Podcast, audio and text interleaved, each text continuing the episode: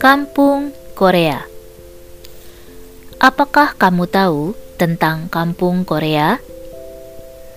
Ada tempat unik namanya Kampung Korea di kota Bau-Bau, Sulawesi Tenggara. Dalam bahasa Jepang, kampung artinya murah. Suku Cia-Cia tinggal di desa ini.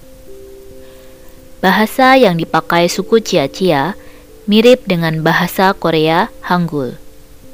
Karena itu, untuk melindungi bahasa Cia-Cia ini, pemerintah Indonesia dan Korea setuju pakai Hangul untuk menulis. Tapi, dalam percakapan sehari-hari, pakai bahasa Indonesia. Indonesia adalah negara yang banyak budaya.